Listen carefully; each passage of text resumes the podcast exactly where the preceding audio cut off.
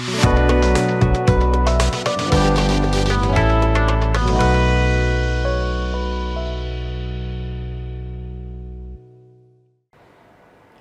္ဂလာပါရှင်မြန်မာပြည်သူပြည်သားအပေါင်းစိတ်ချမ်းသာခြင်းကိုယ်ကြီးကျန်းမာခြင်းနဲ့ပြည့်စုံကြပါစေလို့ PPTV ဖွဲ့သားတွေကဆုတောင်းမေတ္တာပို့တာပါတယ်ခုတစ်ပတ်တွင်ဖြစ်ပေါ်ခဲ့တဲ့သတင်းတွေနဲ့ပတ်သက်ပြီးသတင်းကျဉ်းချုပ်ကိုကျွန်မစင်စင်ကတင်ဆက်ပေးသွားမှာဖြစ်ပါတယ်ရှင် ထမဆုံးသတင်းအနေနဲ့အကြမ်းဖက်စစ်ကောင်စီရဲ့တာဝန်ရှိသူအလုံးကိုအရေးယူရေးနဲ့နိုင်ငံတကာရာဇဝတ်ခုံရုံး ICC ကိုလွှဲပြောင်းပေးဖို့ကုလလူ့ခွင့်ရေးကောင်စီရဲ့ဆုံးဖြတ်ချက်ကိုကြိုဆိုတယ်လို့မြို့သားညီညွတ်ရေးအစိုးရကထုတ်ပြန်လိုက်တဲ့သတင်းပဲဖြစ်ပါတယ်။ကြမ်းဖက်စစ်ကောင်စီရဲ့တာဝန်ရှိသူအလုံးကိုအရေးယူရေးနဲ့နိုင်ငံတကာရာဇဝတ်ခုံရုံး ICC ကိုလွှဲပြောင်းပေးဖို့ကုလလူ့ခွင့်ရေးကောင်စီရဲ့ဆုံးဖြတ်ချက်ကိုကြိုဆိုတယ်လို့အမျိုးသားညီညွတ်ရေးအစိုးရလူ့ခွင့်ရေးဝန်ကြီးဌာနကဇူလိုင်10ရက်မှာထုတ်ပြန်ခဲ့ပါတယ်။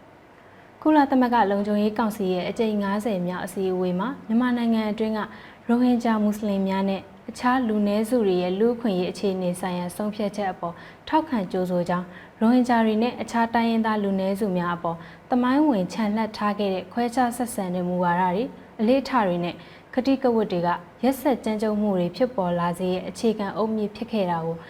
ရှက်ရွံ့ဖွယ်ရာကိစ္စကြီးတစ်ခုဖြစ်တယ်လို့ဖော်ပြထားပါတယ်။ဂျမ်ဘတ်စစ်ကောင်စီရဲ့လူသားမျိုးနွယ်ပေါ်ကျူးလွန်တဲ့ရာဇဝတ်မှုတွေနဲ့စစ်ရာဇဝတ်မှုတွေကျူးလွန်နေတာကိုကုလသမဂ္ဂလူ့ခွင့်ရေးဆိုင်ရာမဟာမင်းကြီးနဲ့မြမလူ့ခွင့်ရေးဆိုင်ရာအထူးစီရင်ခံစာတင်သွင်းသူတို့ကတင်ပြခဲ့ကြောင်းနဲ့ကုလသမဂ္ဂလူ့ခွင့်ရေးကောင်စီရဲ့ဆုံးဖြတ်ချက်ဟာမြန်မာပြည်သူတွေရဲ့ပြတ်သားတဲ့ထောက်ခံမှုတွေနဲ့ဒီမိုကရေစီအရေးမျှော်မှန်းချက်တွေကိုတည်တာစွာဖော်ပြထားခြင်းမရှိဘူးလို့လည်းထုတ်ပြန်ချက်မှာဖော်ပြထားပါတယ်ရှင်။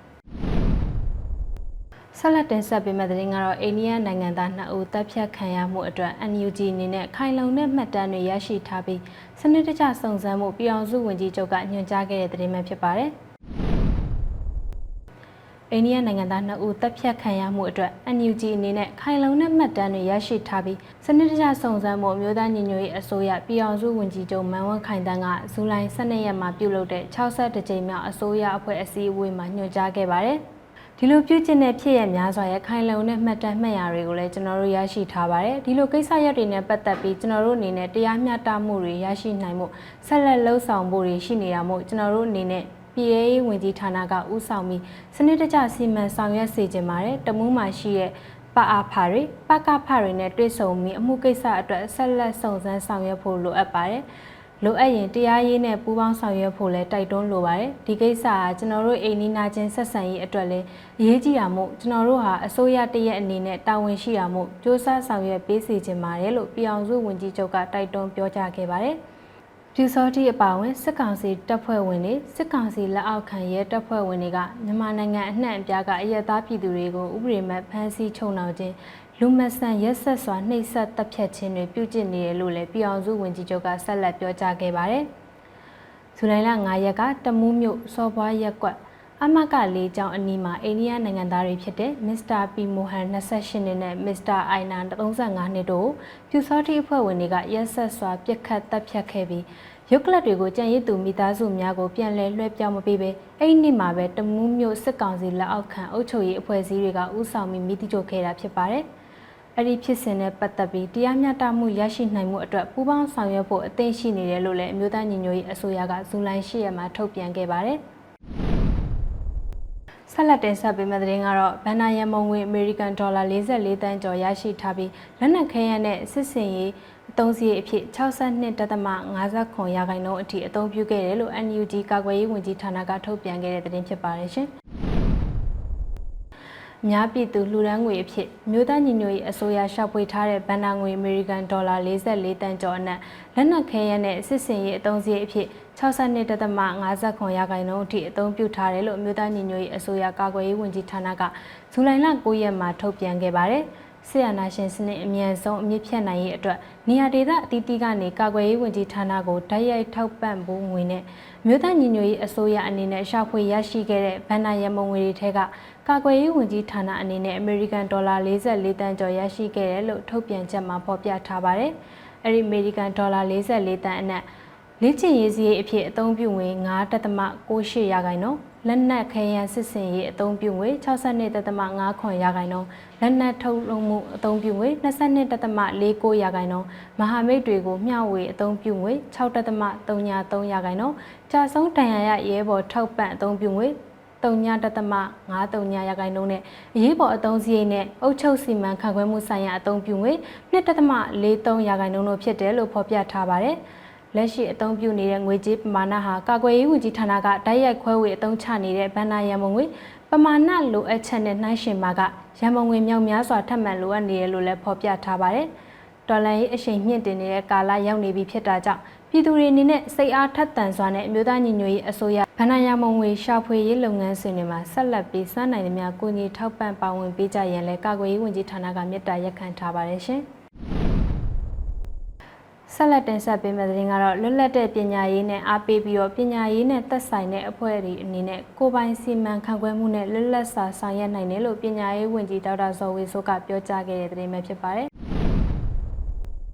လွတ်လပ်တဲ့ပညာရေးကိုအားပေးပြီးမြို့နယ်အဖွဲ့တွေဒေသပညာရေးအဖွဲ့တွေနဲ့တိုင်းရင်းသားပညာရေးအဖွဲ့တွေအနေနဲ့ကိုပိုင်စီမံခန့်ခွဲမှုနဲ့လွတ်လပ်စွာဆောင်ရွက်နိုင်တယ်လို့အမျိုးသားညီညွတ်ရေးအစိုးရပညာရေးဝန်ကြီးဌာနပြည်အောင်စုဝန်ကြီးဒေါက်တာဇော်ဝေဆိုးကဇူလိုင်9ရက်မှာ PPTV ကိုပြောကြားခဲ့ပါတယ်။စကိုင်းတိုင်းရင်းမပင်ခရိုင်အတွင်းကြေးရွာတရွာမှာအတန်းတင်စာမေးပွဲတွေပြုလုပ်နေသည့်အပေါ်ပြုလုပ်ပေးသူများကိုအထူးကျေးဇူးတင်ဂုဏ်ယူတယ်လို့လည်းပြည်အောင်စုဝန်ကြီးကပြောကြားခဲ့ပါတယ်။ မြို့သားညီညွတ်ရေးအစိုးရပညာရေးဝန်ကြီးဌာနအနေနဲ့တိုက်ရိုက်ညွှန်ကြားထားတာတွေမရှိပါဘူးမြို့နယ်အဖွဲ့တွေဒေသပညာရေးအဖွဲ့တွေတိုင်းရင်းသားပညာရေးအဖွဲ့တွေအနေနဲ့ကိုပိုင်စီမံခန့်ခွဲမှုနဲ့လွတ်လပ်စွာဆောင်ရွက်နိုင်ပါတယ်ပညာရေးလွတ်လပ်ခွင့်ရှိပါတယ်လွတ်လပ်တဲ့ပညာရေးကိုအားပေးပါတယ်လို့ဒေါက်တာဇော်ဝေဆိုးကပြောကြားခဲ့ပါတယ်မူလာတန်းအထက်အဆင့်ကနေအထက်တန်းအထိစာမေးပွဲကိုဝင်ရောက်ဖြေဆိုကြခြင်းဖြစ်ပြီးကျောင်းသားပေါင်း600ခန့်အထိစာမေးပွဲဖြေဆိုမှုကိုပြုလုပ်ခဲ့ကြကြောင်း စာတင်ကြားမှုမှာလည်းဆရာအင်အား55ယောက်ခန့်ကစေတနာဝန်ထမ်းအဖြစ်ပြုလုပ်ပေးနေပြီး CDN ဝန်ထမ်း18ဦးကဦးဆောင်ကပညာသင်ကြားပေးနေတယ်လို့ရင်းမှပင်စလင်းကြီးကျေးရွာပေါင်းစုံတပိတ်ဦးဆောင်ကော်မတီကထုတ်ပြန်ထားပါတယ်ဆက်လက်တင်ဆက်ပေးမယ့်တင်ကတော့အခြေခံပညာပြီးမြောက်ကြောင်းစစ်ဆေးအကဲဖြတ်ခြင်းကို2023ခုနှစ်ဖေဖော်ဝါရီလမှာစတင်ကျင်းပသွားမယ်လို့ပညာရေးဝန်ကြီးဌာနကထုတ်ပြန်ခဲ့တဲ့သတင်းပဲဖြစ်ပါတယ်ရှင်။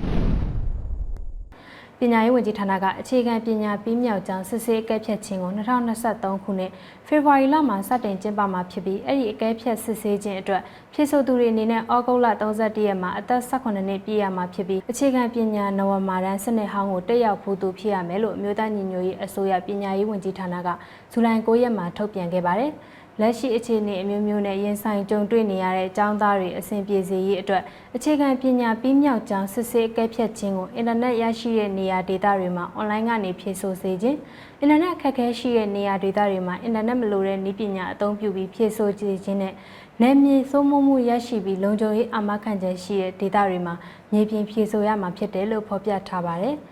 အဲ့ဒီစစ်စေးအကဲဖြတ်မှုမှာအလွတ်ကျမှတ်မှုကိုအားပေးတဲ့မေကုံမျိုးမဟုတ်ပဲ သိရှိနားလည်သဘောပေါက်မှုခွဲခြမ်းစိတ်ဖြာသုံးသက်ပြီးအသုံးချနိုင်မှုနဲ့လက်တွေ့ဘဝနဲ့ဆက်ဆက်ပြီးပြဿနာတွေကိုတီထွင်ဖန်တီးဖြေရှင်းနိုင်မှုတွေကိုစစ်ဆေးအကဲဖြတ်သွားမှာဖြစ်တယ်လို့လည်းဖော်ပြထားပါတယ်။အခြေခံပညာပြီးမြောက်ကြောင်းစစ်ဆေးအကဲဖြတ်ခြင်းနဲ့ပတ်သက်ပြီးကျောင်းသားကျောင်းသူတွေဆရာဆရာမတွေနဲ့ပြည်သူတွေသိရှိထားရမယ့်အချက်လက်တွေကိုအချိန်မီဆက်လက်ထုတ်ပြန်သွားမှာဖြစ်ပြီးတော့တော်လှန်ရေးမှာပါဝင်နေသူတွေမတန်ဆွမ်းသူတွေနဲ့စစ်ပေးတဲ့ပြည်သူတွေအတွက်တင့်လျော်မဲ့ဂျားကာလဒါမှမဟုတ် တော်လန်ရေးလွန်ကာလမှာအထူးပညာသင်ကြားရေးနဲ့စစ်ဆေးကဲဖြတ်ပြီးအတိမတ်ပြုရေးအစီအစဉ်တွေကိုတည်တံ့အကောင့်ထဲပေါ်ဆောင်ရွက်ပေးသွားမှာဖြစ်တယ်လို့လည်းဖော်ပြထားပါတယ်ရှင်။ဆက်လက်တင်ဆက်ပေးမယ့်သတင်းကတော့ရထဖွဲ့ဝင်အသစ်တွေခန့်အပ်နိုင်ရေးအတွက်အရေးချင်းစစ်ဆေးရေးကော်မတီကိုမကြာမီဖွဲ့စည်းသွားမယ်လို့ပြည်ထရေးနဲ့လူဝင်မှုကြီးကြပ်ရေးဝန်ကြီးဌာနကဇူလိုင်လ12ရက်မှာထုတ်ပြန်ခဲ့ပါတယ်။ ပြည်သူ့ရဲတပ်ဖွဲ့ကိုဝင်ရောက်အမှုထမ်းရွက်လိုတဲ့ရဲတပ်ဖွဲ့အသစ်တွေကိုခန့်အပ်နိုင်ရေးအတွက်အရေးချင်းစစ်ဆေးရေးကော်မတီကိုဖွဲ့စည်းဆောင်ရွက်ရတာဖြစ်တယ်ဆိုတာနဲ့ပြည်သူ့ရဲတပ်ဖွဲ့ဥပဒေအခန်းလေးပုံမှန်9ကကြီးအရအရေးချင်းစစ်ဆေးရေးကော်မတီကိုဖွဲ့စည်းရန်ပြင်ဆင်ဆောင်ရွက်ရတာပါဖြစ်တယ်လို့ပြည်အောင်စုဝန်ကြီးကဆွေးနွေးတင်ပြခဲ့ပါတယ်။တော်လှန်ရေးကာလအတွင်းပြည်သူ့ရဲတပ်ဖွဲ့ကိုဝင်ရောက်မှုထမ်းလိုတဲ့ရဲတပ်ဖွဲ့ဝင်တွေစုဆောင်းပြီးလူလူဘဝလုံခြုံရေးနဲ့တရားဥပဒေစိုးမိုးရေးဖော်ဆောင်နိုင်ရေး ရဲတပ်ဖွဲ့ဝင်အသစ်များတာဝန်ပေးအပ်နိုင်ရေးနဲ့တော်လှန်ရေးအရှိန်မြင့်တင်ပြီး Federal Democracy စနစ်တည်ဆောက်ရေးအထောက်ပံ့ပြုရန်ရည်ရွယ်ထားတယ်လို့လည်းပြည်အောင်စုဝန်ကြီးကပြောကြားခဲ့ပါတယ်။ကော်မတီဖွဲ့စည်းပြီးရတဲ့အမျိုးသားညီညွတ်ရေးအစိုးရရဲ့အထူးအုပ်ချုပ်ရေးဒေသတွေမှာမြို့နယ်ရဲတပ်ဖွဲ့တွေဖွဲ့စည်းဆောင်ရွက်ပြီးလူထုဘဝလုံခြုံရေးနဲ့တရားဥပဒေစိုးမိုးရေးလုပ်ငန်းတွေအကြမ်းဖက်စစ်ကောင်စီကိုတရားဥပဒေနဲ့အညီအရေးယူပြစ်ဒဏ်ချမှတ်သွားနိုင်ရေးအထူးအတွက် အာသွန်ခွန်ဆိုင်ဆောင်ရွက်သွားမယ်လို့ပြည်အောင်စုဝန်ကြီးကဆက်လက်ဆွေးနွေးပြောကြားခဲ့ပါတယ်။ပြည်အောင်စုဝန်ကြီးဦးလွင်ကိုလက်ရဲ့တင်ပြဆွေးနွေးချက်တွေကိုအစိုးရအဖွဲ့ဝင်တွေကဝိုင်းဝန်းဆွေးနွေးအကြံပြုခဲ့ကြပြီးမကြခင်အချိန်မှာအရေးချင်းစစ်ဆေးရေးကော်မတီဖွဲ့စည်းသွားမှာဖြစ်တယ်လို့ထုတ်ပြန်ခဲ့တာဖြစ်ပါတယ်။ဆက်လက်တင်ဆက်ပေးမယ့်သတင်းကတော့စကိုင်းတိုင်းကစစ်ပေးရှောင်တွေကိုကူညီနိုင်မှုအမှုပညာရှင်ချစ်သူဝေရဲ့ Macrame Project ကကျပ်သိန်း1500ကျော်ရရှိခဲ့တဲ့ဆိုတဲ့သတင်းပဲဖြစ်ပါတယ်။ စကိုင်းတိုင်းကစစ်ပေးရှောင်ပြည်သူတွေကိုကူညီနိုင်မှုအတွက်ရည်ရွယ်ပြီးပြုလုပ်ခဲ့တဲ့ Macrame Project ကနေကျပ်သိန်း1500ကျော်အထိရရှိခဲ့တယ်လို့အမှုပညာရှင်ချစ်သူဝေကဇူလိုင်14ရက်မှာပြောထားပါတယ်။ထင်မှတ်ထားတာထက်ပုံမရရှိခဲ့တဲ့အတွက်ကြောင့်စကိုင်းဘက်ကစစ်ရှောင်တွေအတွက်တင်တာမကပဲမြေပြင်ကလိုအပ်နေတဲ့နေရာတွေအတွက်လည်းထောက်ပံ့ပေးသွားမယ်လို့ဆိုထားပါတယ်။ဒီတစ်ခေါက်ပြုလုပ်တဲ့ Macrame Project ကအမှုပညာရှင်ချစ်သူဝေအတွက်9ကြိမ်မြောက်ပြုလုပ်ခဲ့တာဖြစ်ပြီးတော့ စစ်ရှောင်တွေနဲ့မြေပြင်မှာပြုလုပ်နေသူတွေအတွက်အထောက်ပံ့တွေပြုလုပ်ပေးနေရလဲဖြစ်ပါတယ်။ဒီ project ကိုလက်မှတ်9000လောက်ပဲရောင်းရမယ်လို့ထင်ထားခဲ့ပေမဲ့နှမ်းထားတာတဲ့နှစ်ဆလောက်ပိုရောင်းခဲ့တာဖြစ်ပြီး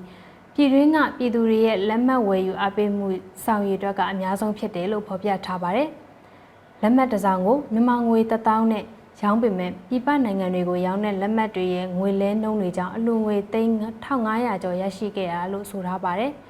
ဒီတစ်ခေါက် project မှာကန်ဆန်းသူတွေကိုကန်ဆန်းမဲ့နံပါတ်တွေပေးတာမဟုတ်ပဲလက်မှတ်တွေပါပေးနိုင်ခဲ့ပြီး